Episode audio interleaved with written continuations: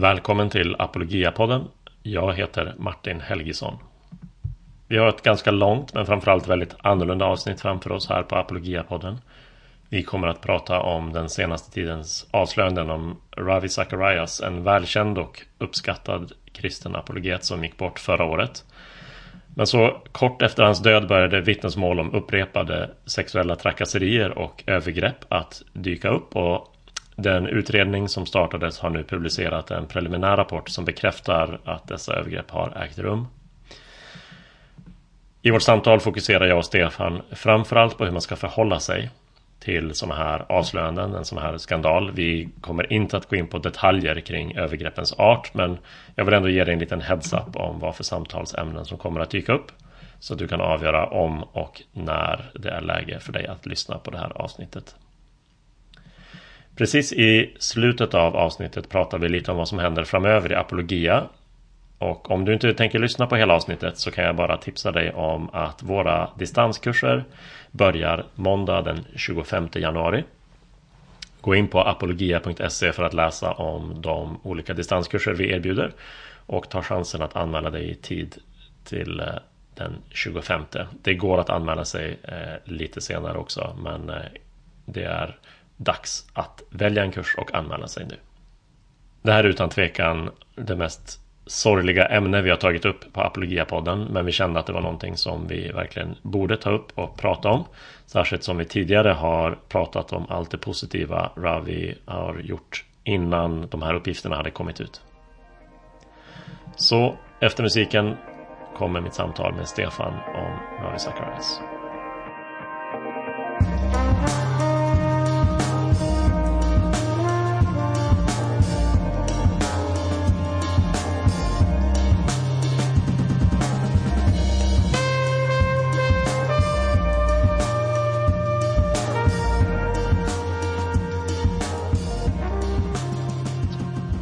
Ja, men eh, välkommen tillbaka till eh, studion Stefan och hit till Apologia-podden till vad som nog är vårt eh, mest allvarsamma och dystra avsnitt hittills. Ehm, vi har ju tänkt ett tag du och jag att vi skulle göra ett avsnitt där vi tar upp och, och reagerar lite på det som har kommit upp om Ravi Zacharias, en välkänd apologet ehm, framförallt i den engelsktalande världen Eh, men för många apologetikintresserade också här i Sverige. Vi gjorde ett avsnitt om honom eh, under förra året i samband med hans bortgång och eh, sedan dess har vi fått anledning tyvärr att ompröva hans liv och hans livsverk. Men om vi skulle börja med att sammanfatta vem Ravi Zacharias var för de som inte är så bekant med honom. Ja, han var Eh, en indier som, eh, eh, som i vuxen ålder flyttade till Kanada och eh, som från, från sent 80-tal blev gradvis ett allt mer känt namn i den kristna världen som evangelist och som apologet. En oerhört charmig och intelligent kommunikatör av, eh, eh, av kristen tro.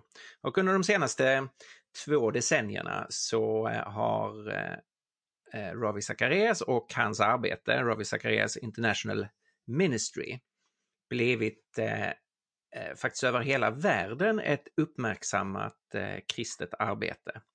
Där man har eh, arbetat med dels med evangelisation underbyggt av apologetik och dels arbetat med att, eh, att hjälpa kristna att tänka igenom sin tro. Mm. Han är en person han har som... Gett ut eh, många, han har gett ut många böcker, eh, poddat, eh, finns över hela Youtube med olika typer av eh, eh, föreläsningar och dialoger och han var ju inte minst, eh, tänker jag, någon som gjorde sig känd för, för samtalets konst, dialogen, att kunna svara på frågor på ett väldigt fint sätt.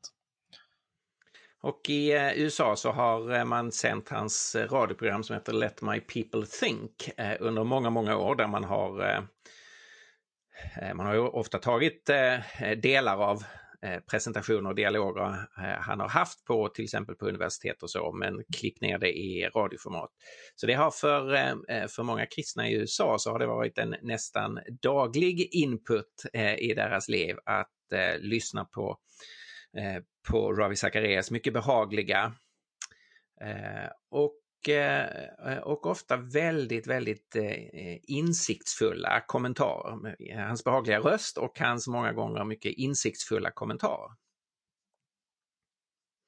Mm. Och vi gjorde som sagt ett avsnitt eh, i samband med hans eh, bortgång i, i juni.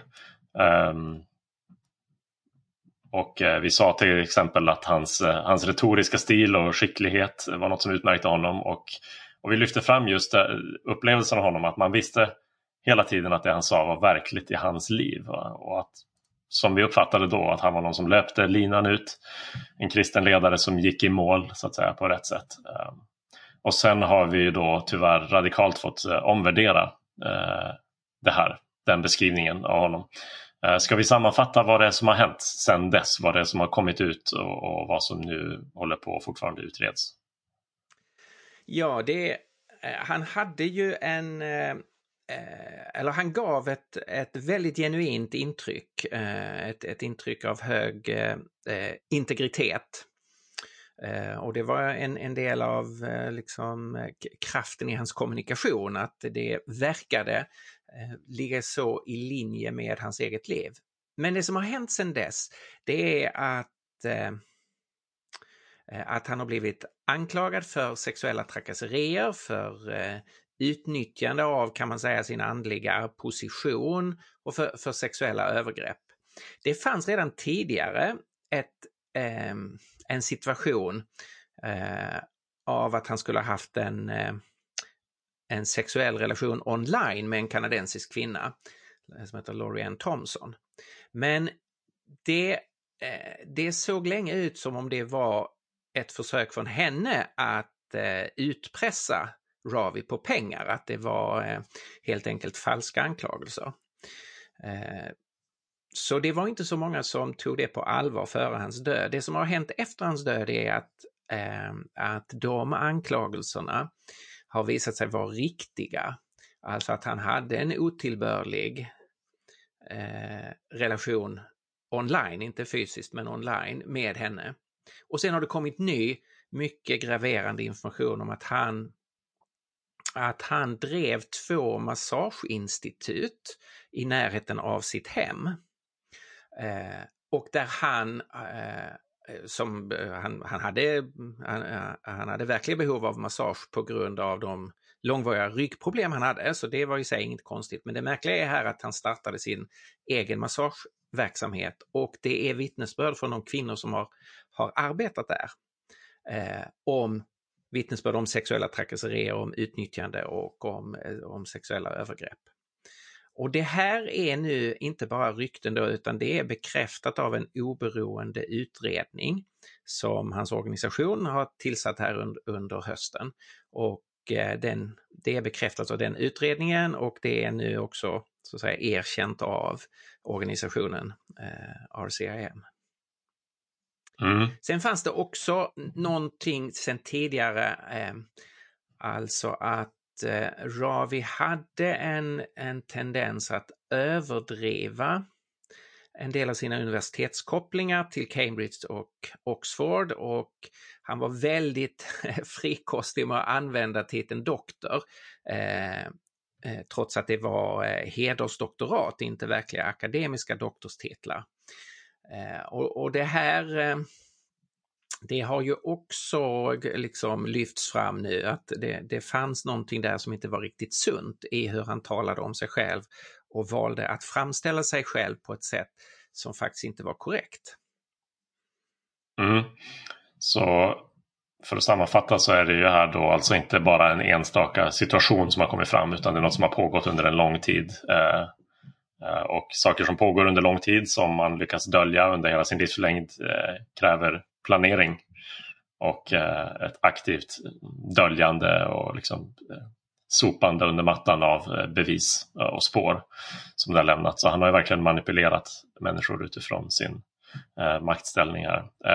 vi kan ju nämna då att det här utredningen är inte helt avslutad än. Den inleddes under hösten och så kom en preliminär rapport nu runt årsskiftet från den här externa utredaren som RCIM har släppt in, det vill säga Ravi Zacharias eh, organisation. Eh, och eh, den slutgiltiga rapporten kommer ju att komma inom några veckor nu men, men man har så att säga redan gått ut och sagt att det här visat sig vara riktigt och man har flaggat för att ytterligare värre saker kan komma att ingå i den slutgiltiga rapporten. Ja, tyvärr är det så. och det är ju, man kan ställa frågan så här, är man förvånad över att, över att det här sker? Och då är ju eh, ett svar är ju att nej, i grunden är man inte förvånad för att eh, som kristen vet man att vi alla är syndare och att kristna ledare är syndare och, och det är ju, händer ju tyvärr regelbundet att kristna ledare faller i allvarliga synder. Så det är på ett sätt inte förvånande. Men om man tänker på vad vi vet om människan så att säga, det är tragiskt men inte så förvånande. Men man måste också säga att, att det här skulle vara sanningen om Ravi. Eh, det är förvånande just utifrån ett ganska konsekvent och starkt intryck som han har gett under eh, liksom decennier. Och, eh, och, och det smärtsamma här det fångas av en, en av de anställda i hans organisation, eh, eh, Carson Weitnauer, eh, som har jobbat ända fram till för ett par veckor sedan för organisationen. Och han skrev nyligen så här. Zacharias, who has been dubbed the greatest apologist of the 20th century, was actually the greatest fraud. Alltså, eh, det, det, är helt förfärande är att en person som många har betraktat som en av, eller kanske, ja, eller en av de största apologeterna under eh, eh 1900-talet var i verkligheten en av de största eh, en av de största, är ord, svenska ordet för fraud? Ja, bluffarna eller bedragarna. Bluffarna, bluffmakarna, eh, falskspelarna. Mm. Men det är ju som sagt, det, tyvärr är det inte första gången något sånt här händer med en, en känd kristen ledare som ertappas med någonting. Hur ser du på det här liksom i kontexten i sammanhanget av andra tragedier eh, i vår tid? Ja, man får nog säga att det är den, den största skandalen i evangelisk kristenhet på, på länge. Ehm, det var inte så länge sedan Bill Hybels, eh, ledare för eh, Willow Creek, eh, det avslöjade saker runt honom. Men jag skulle säga att det här är kanske ännu mer, ännu mer smärtsamt. Ehm, därför att det är, så, det, det, är liksom så långt ifrån allt som är förknippat med Ravi, hans, hans visdom, hans ödmjukhet, hans humor, hans inkännande stil. allt det där som är så starkt förknippat med honom. Och han var, skulle jag säga, ett, ett i, i många, på många platser i världen ett, nä, nästan ett större namn än, än Hybels. Man skulle kunna jämföra den här tragedin med det som hände på den katolska sidan med Jean Vanier och han som har startat eh, arbetet L'Arche, eh, som är ett arbete för eh, förstånd, förståndshandikappade barn där eh, eh, Jean Vanier, hans arbete, de har startat eh, eh långt över hundra hem i, i 38 olika länder. Fantastiskt arbete. Och när han dog så kallades han av, eh, för New York, av New York Times som a savior of people on the margins, alltså en frälsare för människor i marginalen. Och, och man pratade om att han skulle bli helgonförklarad i katolska kyrkan. Men då uppdagades det också där efter hans död hur han hade manipulerat kvinnor och eh, eh, under andlig rådgivning ehm, eh, Eh, har fått kvinnor att ha sex med honom. Och där fanns också, visade sig, lögner och, och, och så. Så att där, det finns en hel del paralleller här i de, eh, i, i de skandalerna. Och det är väl lite, eh, man tänker på de här olika sammanhangen så kan man tänka på Paulus, Paulus ord i första Timoteusbrevet. Det står så här i första Tim 5, 24-25. En del människors synder ligger i öppen dag och får sin dom i förväg. Så är det ju, en, en del människors synder det, det syns för alla och en var. Och sen fortsätter Paulus, på samma sätt med de goda gärningarna, de ligger i öppen dag och de som inte gör det eh, kan inte förbli dolda. Så en del människors synder ligger i öppen dag, andra synder släpar efter. Eh, goda gärningar kan ligga i öppen dag, andra vet bara Gud om. Eh, men de får sin belöning på, eh, eh, på den yttersta dagen. Men förr eller senare kommer ju allting fram i ljuset och när det gäller Ravi så är ju Paulus ord här andra synder släpar efter. Och då kan man säga att de släpade efter fram tills hans död och sen några månader efter så, så kom allt fram i ljuset. Ja, ja det, är, det är verkligen fruktansvärt tragiskt eh, med tungt hjärta. Man eh, pratar om det och gör ett sånt här avsnitt. Eh, det ju, ligger i sakens natur när det handlar om manipulation, övergrepp och dubbelliv att de skapar väldigt mycket förvirring. Eh, såklart allra mest för de som är verkligen i den omedelbara eh, liksom räckvidden eller närheten runt en sån här person som inte vet eh, hur man ska sortera bland allt som verkade gott och, och samtidigt det som var otroligt eh, Eh, förvridet. Eh, så. Eh, reaktionerna har ju naturligtvis inte låtit vänta sig på sig med tanke på hur välkänd figuren var och uppskattad och så fram till detta. och jag tänker själv att det är väldigt svårt att veta. Hur ska man förhålla sig till något sånt här? Hur ska man reagera? Känslor och, och tankar och liksom vad man vill, kanske de som har gett olika typer av offentlig respons. Eh, det kan verkligen vara all over the map vad man uh, vill säga och vad människor har sagt. Med lite eftertanke så kan man ju någonstans ändå börja fundera på vilka reaktioner är rätta, konstruktiva, vilka är uh, sämre så att säga. Om vi skulle prata lite om reaktioner till att börja med från kristna individer eller organisationer som inte har varit helt bra så, så var det liksom en första reflex nästan var väl att säga att det här kan inte vara sant. De här anklagelserna måste vara falska. Vad tänker du om det? Ja, jag tänker att det kan ju vara ganska naturligt eh, att, att man tänker så. Det är, inte, det är inte så konstigt. Men det är ju det, det är en väldigt farlig reaktion. Eh, och man kan säga att hans egen organisation, de anställda och övriga anställda, så, de levde ju ett bra tag i förnekelse här.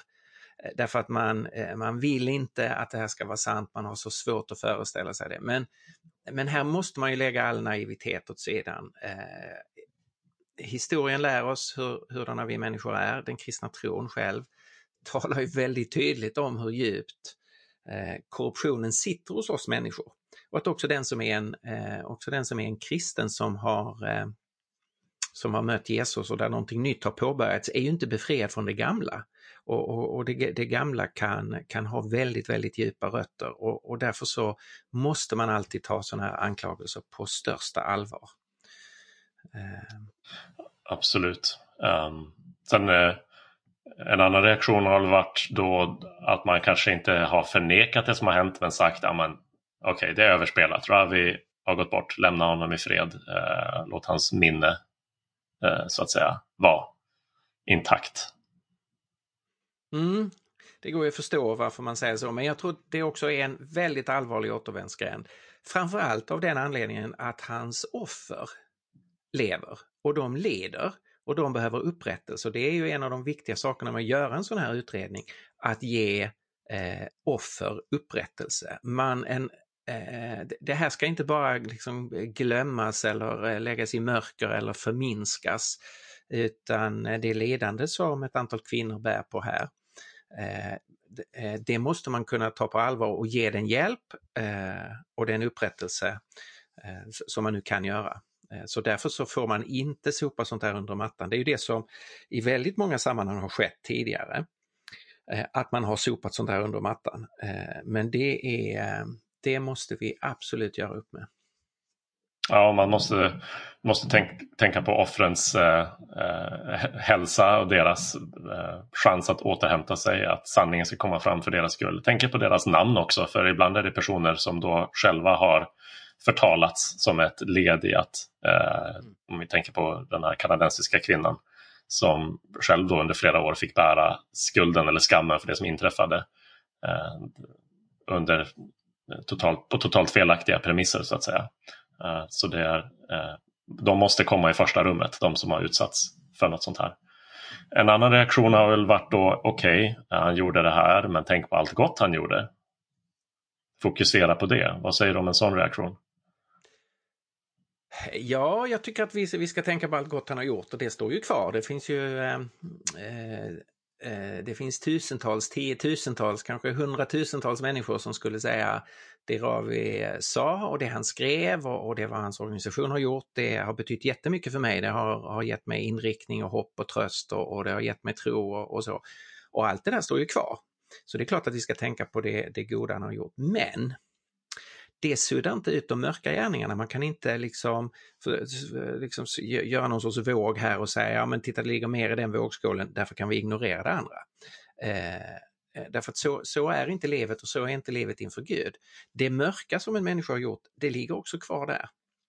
Eh, eh, och det, eftersom det här inte varit känt tidigare så är det nu vi måste eh, liksom ta tag i det och se vad är det som har hänt och hur kan vi hjälpa de människor som har blivit utsatta och hur, hur ska vi förhålla oss till den här eh, den negativa sidan hos en människa där vi fortfarande kan säga ja visst, han gjorde mycket gott samtidigt.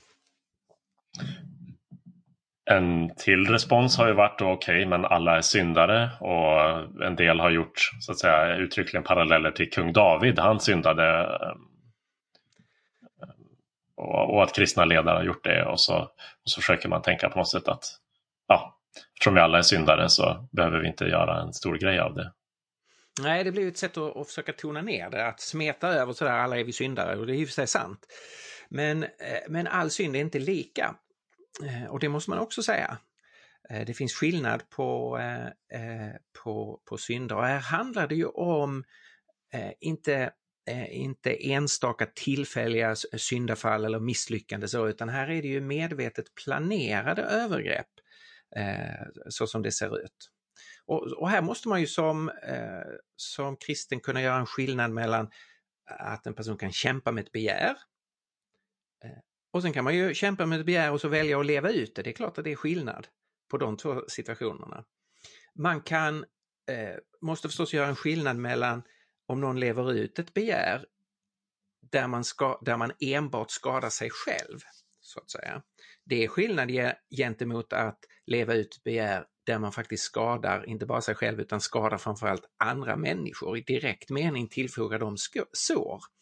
Och det är ju det sistnämnda, sistnämnda som har skett här, alltså att Ravi har levt på ett sätt eh, så att han har skadat andra människor som fortfarande då idag lever med sår på grund av det han utsatte dem för.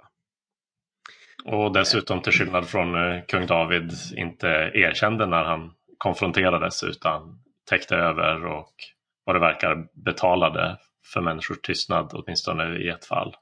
Uh. Ja, det gör det ju alldeles det gör det ju alldeles extra smärtsamt. Alltså här är liksom en hel serie av synder som staplas på varandra eh, Eh, av, av att begå brott mot, mot människor och sen när man blir avslöjad ljuga om det. Eh, och dessutom baktala personer som, eh, eh, som man har utsatt för, eh, för någonting.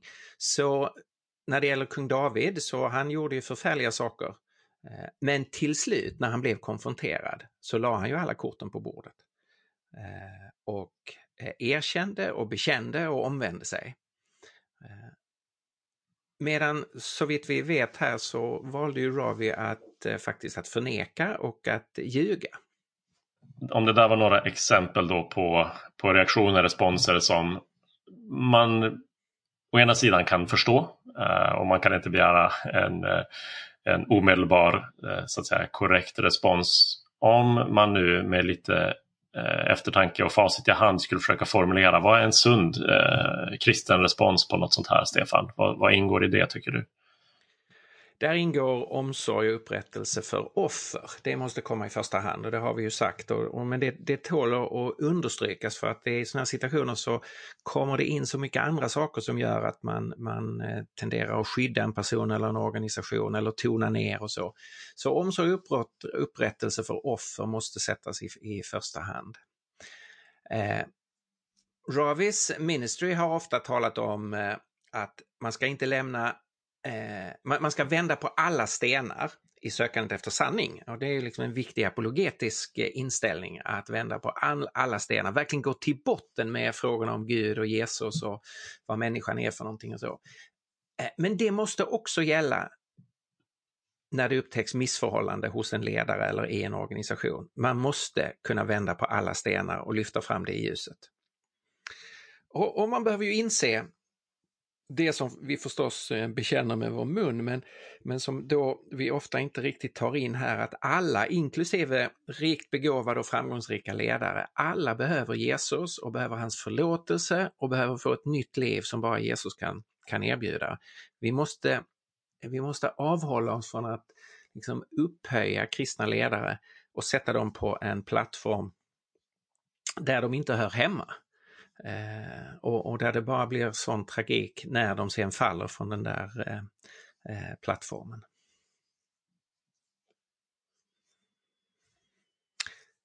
Frågan är ju sen, och det är väl det som för, för, för den som är kristen, det som liksom plågar allra mest, hur ska man, eh, hur ska man förstå honom?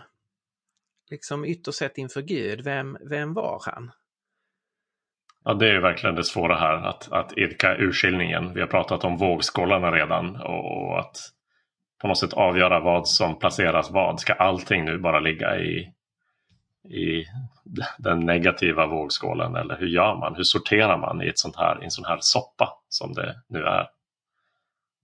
Ja, för det är, det är verkligen en, en soppa som är jättesvår att ta in. Eh, där det finns så mycket gott och bra som har kommit från Ravis liv och sen ser man nu eh, det här. Och det är klart att ingen av, ingen av oss ser ju hela situationen, ingen av oss känner Ravis hjärta och vi, vi får förstås överlämna eh, honom till Guds nåd. Men om man tänker en sån här situation mer principiellt, så när jag tänker kring det så finns det ju tre sätt att förstå en sån här situation. Det, eh, eh ett sätt är ju att, att tänka så här att den här personen var aldrig en kristen. Men förfördes av möjligheten att stå på en scen och bli beundrad och, och dessutom, som det är amerikansk kristenhet, eh, bygga en förmögenhet med hjälp av, av evangeliet. Det är ju i så fall en väldigt grov anklagelse av att alltihopa har bara varit en fasad. Men, ja. men det är klart, man, rent principiellt så är det ju förstås en, en möjlighet. Eh, sånt har förekommit i kyrkans historia. En, en annan möjlighet är ju att, att han var en verklig kristen, ursprungligen gripen av, eh, av evangeliets innehåll och gripen av att sprida evangeliet, men en person som gradvis avföll och, och istället i slutändan levde för sina egna begär och denna världens goda. Eh, det är ju ett alternativ och det vet vi från, från kyrkans historia att eh, eh ungefär som Paulus skriver om en medarbetare, Demas, som av övergav honom av kärlek till den här världen. Just det. Så det är i så fall en person som har börjat som kristen men som sen har eh, avfallit. Och det tredje alternativet, det är ju att han levde och dog som en kristen. Men med en dubbelnatur som han aldrig liksom fullt ut förde ut i, i ljuset. Och vi vet ju att en pånyttfödd människa en, en sant kristen människa samtidigt har kvar sin gamla natur. Och som kristna så är vi ju kallade att dagligen lägga av den naturen och i andens kraft ikläda oss den nya människan och låta den dominera oss. Och när den gamla människan då ger sig till känna ska vi erkänna det och, och omvända oss från det och, och söka det nya livet. Eh, det som då blir här som ett frågetecken om man ska tänka så här att eh, det är liksom dubbelnaturen här hos Ravi som, som eh, blir synlig, det är ju varför varför omvände han sig då inte eller varför erkände han inte och omvände sig när han avslöjades? Varför ljög han och försökte tysta den här kanadensiska kvinnan till exempel? hur kunde han medvetet hålla på att planera synder vid sidan av sin tjänst för evangeliet, liksom utan att, vad vi vet i alla fall, på allvar göra upp med dem. Vi vet ju att det, det konstiga är inte att han var en syndare som vi andra, utan, utan att han inte valde liksom erkännandets, eh, omvändelsens väg. Det man också vet här då, det måste man väl ta in när man tänker kring sånt här, det är ju att skam är en sån enormt stark eh, kraft för oss människor. Man kan tänka på de kvinnor som utsätts för övergrepp. Ofta, övergrepp. Ofta gör ju skammen över det som har skett, trots att de då kan vara helt, helt, helt oskyldiga, så kan skammen göra att man inte vill tala om det. Man vill inte träda fram och ens anklaga mannen som har skadat en.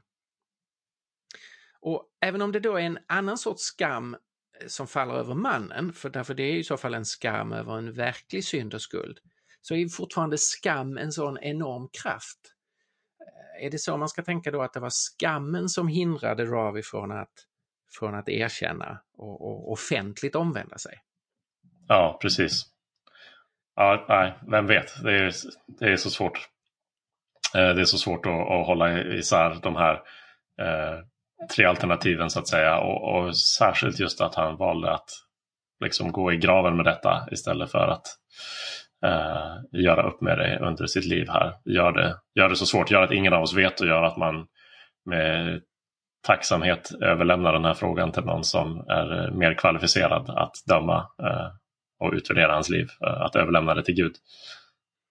Så är det. det. Det är verkligen det vi får göra. Så att det, det, det går inte från vår position liksom att, att se igenom den här situationen eller, eller fälla en dom. Och det, det man behöver göra när man ser sån här tragedi utspelas framför sina ögon det är ju att istället för att hålla på och försöka belysa den situationen i all oändlighet så är det ju att rikta om sökarljuset mot, mot sitt eget liv. Eh, och till de kristna sammanhang som vi är en del av och, och, och igen liksom bara inse vikten av, av ärlighet och vikten av omvändelse när synden griper tag i oss. Eh, Paulus har i Filipperbrevet 3 ett, ett ord där han, eh, då talar han om de som har avfallit. Men då, då gör han liksom en liten, en liten inpass där när han ska skriva om det och säger att och jag säger det nu med tårar. Så han, liksom, det, det, där griper honom så hårt om hjärtat att han, han sörjer över det. Så det är liksom inte skvaller att, att gotta sig i hur illa det har gått för några eller hur hemskt det där är, utan han gråter över när han tänker på eh, den här situationen och på de, eh, eh de människorna. Stefan, om man vidgar kontexten ytterligare lite något till att inte bara handla om kristenheten utan, utan vår nutida kultur och samhälle så är ju det här Ehm, ett mönster som vi känner igen från de senaste åren. Vi har haft, ehm, eh, inte minst sedan metoo-rörelsen kom igång, en, en brottningskamp här. Eh, ibland när det gäller konstnärer till exempel kan man eh, skilja på ett briljant konstverk och en, en väldigt förfallen eller så konstnär. En man eller kvinna som har varit någon förbrytare eller liksom manipulerat människor runt omkring sig på olika sätt. Vi hade bara här i veckan en musikproducent, Phil Spector, som avled, som dömdes för mord eh, och som samtidigt producerade eh, några riktiga hits. Eh, I samband med det här så har begreppet cancel-kultur eh, myntats som ett sätt att eh, beskriva det här med när man liksom ska på något sätt plocka bort någon från en plattform. Den här personen ska inte få komma till tals längre, ska inte få synas, höras, eh, ska kanske nästan lite grann försvinna ur historien. Ehm, jättesvårt eh, att veta vad som, är, vad som är en sund linje här, men om man tänker framöver nu så att säga. Hur förhåller man sig till Ravi och vad han har gjort, eh, hans organisation, hans böcker och så vidare? Hur ser fortsättningen ut? Ja, det, det, man, först, det man först behöver konstatera det är ju att, eh, eh att allt det som var sant i det som Ravi eh, förkunnade och skrev om det är ju fortfarande sant. Det är, ingenting av det, ett gott argument påverkas ju inte av att, eh, av att personen har eh, dålig integritet. Så eh, eh, eh, Ravis böcker och, och den, de föredrag och, och så som ligger på nätet, de innehåller ju fortfarande exakt lika mycket gott som de gjorde tidigare.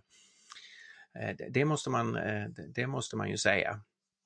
Samtidigt så är det någonting problematiskt som uppstår. Alltså när någon avslöjas medan de lever eller kort tid efter sin död på det här sättet så brännmärker det deras eftermäle för gott. Eh, och det är vad som har skett med Ravi. Det går knappast idag att citera Ravi eller referera till hans böcker trots att det som står i dem fortfarande är alldeles sant och mycket av det är faktiskt fantastiskt bra. Ja, den personliga har... auktoriteten eh, är liksom borta. Eh, när, man, när man citerar någonting, lyfter upp något så, så är det för att här är en auktoritet eh, och det har han inte rätten att vara längre. Nej, det kan man säga och det jag tror man kan förstå det om man tänker kring retorik. Ravi var ju en framstående retoriker, väldigt begåvad av Gud på, som kommunikatör. Och i, i retoriken brukar man ju tala om tre avgörande dimensioner för en, en lyckad kommunikation. Eh, om man använder orden etos, patos och logos. Etos är talarens trovärdighet, alltså vilket förtroende talaren väcker hos mig och vilken, därmed vilken auktoritet eh, jag ger eh, talaren. Patos är, är känslan som talaren väcker, engagemanget, angelägenheten, liksom temperaturen. Och, och logos är förnuft och logik, de eh, tankemässiga argumenten. Och Ravi hade ett ovanligt stort mått av alla tre. Det var det som gjorde att han blev så framgångsrik som kommunikatör. Men det som nu har hänt med Ravi är att etos har fallit. Det har visat sig vara då delvis en fasad. Och han har fallit från en mycket hög höjd djupt ner i, i dyn. Och när etos har fallit, alltså den auktoritet som jag eh, tillskriver personen, så talar inte patos och logos lika starkt längre när det kommer från den personen. Det verkar som om vi människor, det är ju en psykologisk grej här att det är en skillnad när någon avslöjas långt efter sin död och när det är goda som har varit allmänt känt och har liksom etsat sig fast i det allmänna medvetandet. Det tydligaste exemplet här skulle jag säga är Martin Luther King. Han är ju rätta, med rätta världsberömd och hedrad för sin kamp för mänskliga rättigheter. Men idag vet vi att han levde i ständiga otroheter, eh, över 40 olika utomäktenskapliga affärer och han använde sitt kändisskap för att utnyttja kvinnor och han fanns med när andra män eh, begick grova övergrepp mot, eh, mot kvinnor. Så han hade en väldigt sjaskig sida också. Men eftersom det goda han gjorde cementerade bilden av honom, eh, liksom direkt efter eh, hans, hans bortgång, så har det onda som senare upptäckts inte ödelagt hans eh, eftermäle. Och man delar ju kontinuerligt pris, eh, ut pris i hans namn. Det skedde ju alldeles nyligen här i, i, i Sverige från Sveriges kristna råd. Eh, men det där kommer inte att ske med varken Bill Hybels eller Jean Vanier eller eh, Ravi Zacharias därför att det onda framkom antingen medan de levde eller direkt efter deras död. Eh, och därför så blir det inga prisutdelningar i deras namn. Um, nej, eh, det, det, gör en, det gör en skillnad verkligen. Det gör det.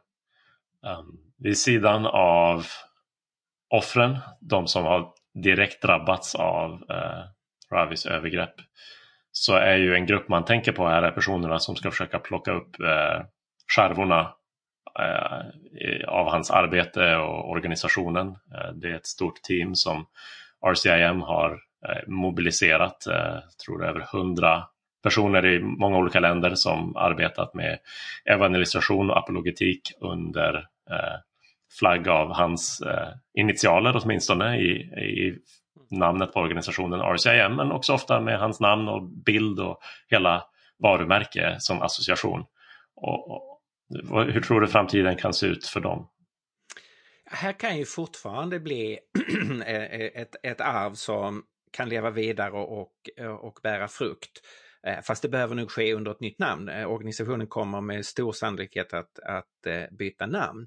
Men här finns alltså ett stort tema av mycket begåvade och hängivna evangelister och apologeter och som ju är helt oskyldiga till det som nu har, har avslöjats. Och förhoppningsvis så kan ju deras arbete få eh, fortsätta och de kan fortsätta med den vision som hela tiden har väglett dem, nämligen, jag citerar från deras visionsskrivelse, The primary mission is to reach and challenge those who shape the ideas of a culture with the credibility of the gospel of Jesus Christ. Distinctive in its strong evangelistic and apologetic foundation, the ministry is intended to touch both the heart and the intellect of the thinkers and influencers of society. Eh, alltså så den, den primära eh, uppdraget det är att nå och utmana de som är med och, eh, eh och påverkar kulturen.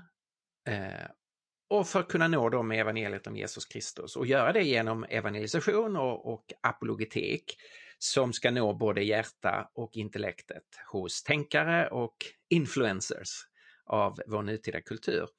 Eh, och hela den visionen, som ju ligger helt i linje med vad vi arbetar med i Apologia, hela den visionen och, och det behovet, det står ju kvar eh, också efter att syndfullheten hos den som startade också, eh, organisationen Eh, efter att den syndfullheten har avslöjats. Det ska ju inte behöva sänka själva visionen som sådan.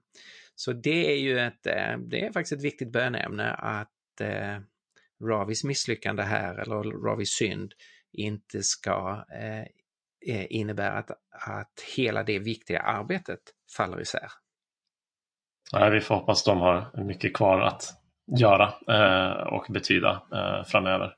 Jag tror att vi avrundar vårt eh, samtal om eh, Ravi här. Eh, det är som sagt väldigt komplicerat, en väldigt tragisk situation och man skulle kanske kunna belysa det ur ytterligare vinklar. Men jag tror att vi, vi avrundar där för nu. Och eh, om vi skulle ta och blicka framåt lite grann istället och prata vad som händer i Apologias arbete nu under vårterminen, Stefan, så är det ju många spännande saker på gång. Det är bara några dagar kvar när det här avsnittet spelas in till vår terminstart och våra nya distanskurser. Måndag den 25 januari klockan 19 så har vi en gemensam uppstart för faktiskt hela sex stycken distanskurser som vi erbjuder. Eh, de har olika ämnen och eh, olika längd, olika svårighetsgrad, eh, också olika kostnad. Och du som lyssnar på det här eh, borde verkligen ta och gå in på apologia.se och kolla vårt kursutbud under våren. Våra distanskurser är, är enkla att eh, gå även om man inte har gjort något sånt här förut.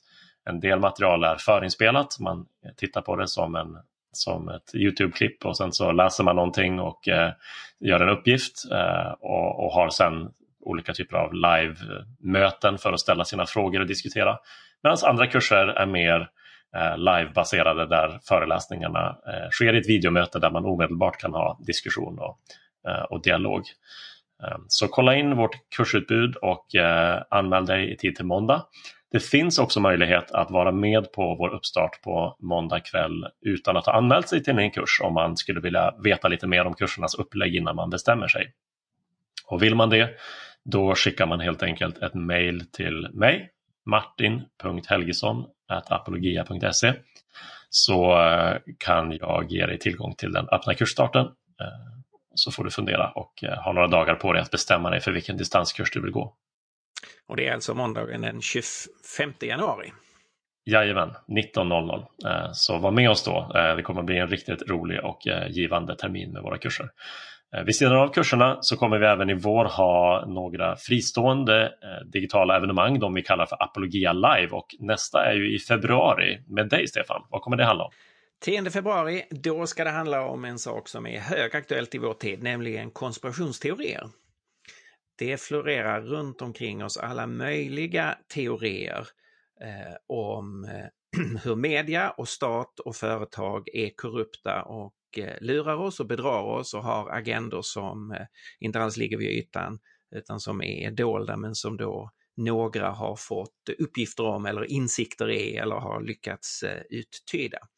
Så det blir en, en kväll om att eh, förstå fenomenet konspirationsteorier, och få redskap att analysera vad är en konspirationsteori och vad är ett verkligt avslöjande om fuffens och korruption som pågår. Så missa inte det, 10 februari. Verkligen aktuellt. 10 februari 19.00 Apologia Live. Eh, man kommer att behöva anmäla sig till det och det kommer man kunna göra via vår hemsida inom några dagar. Det kommer att vara kostnadsfritt men ändå så att man behöver anmäla sig. Så gör det och eh, hoppas vi ses där på Apologia Live. Och eh, så hörs vi igen nästa gång Apologia-podden är tillbaka om ett par veckor. Tack för idag Stefan och tack, tack till er som har varit med oss. Hej då! Hej då!